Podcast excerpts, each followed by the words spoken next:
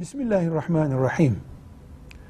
Esasen Peygamber aleyhisselam Efendimiz zamanında buğday, arpa, üzüm, hurma gibi eşya üzerinden birim kullanılarak bir fitre verecek malzeme belirlenmiştir.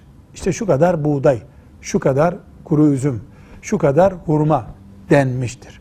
Şimdi ise gelişen teknoloji sayesinde müftülükler, şehir müftülükleri bu şehirde fitre şu kadardır ve şu paradır diye belirlemişlerdir. Mesela 15 lira bir fitredir demişlerdir.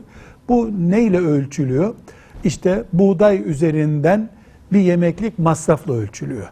Hurma yüksek fiyatlı bir şeydir. Onun üzerinden ölçülünce 30 lira çıkıyor.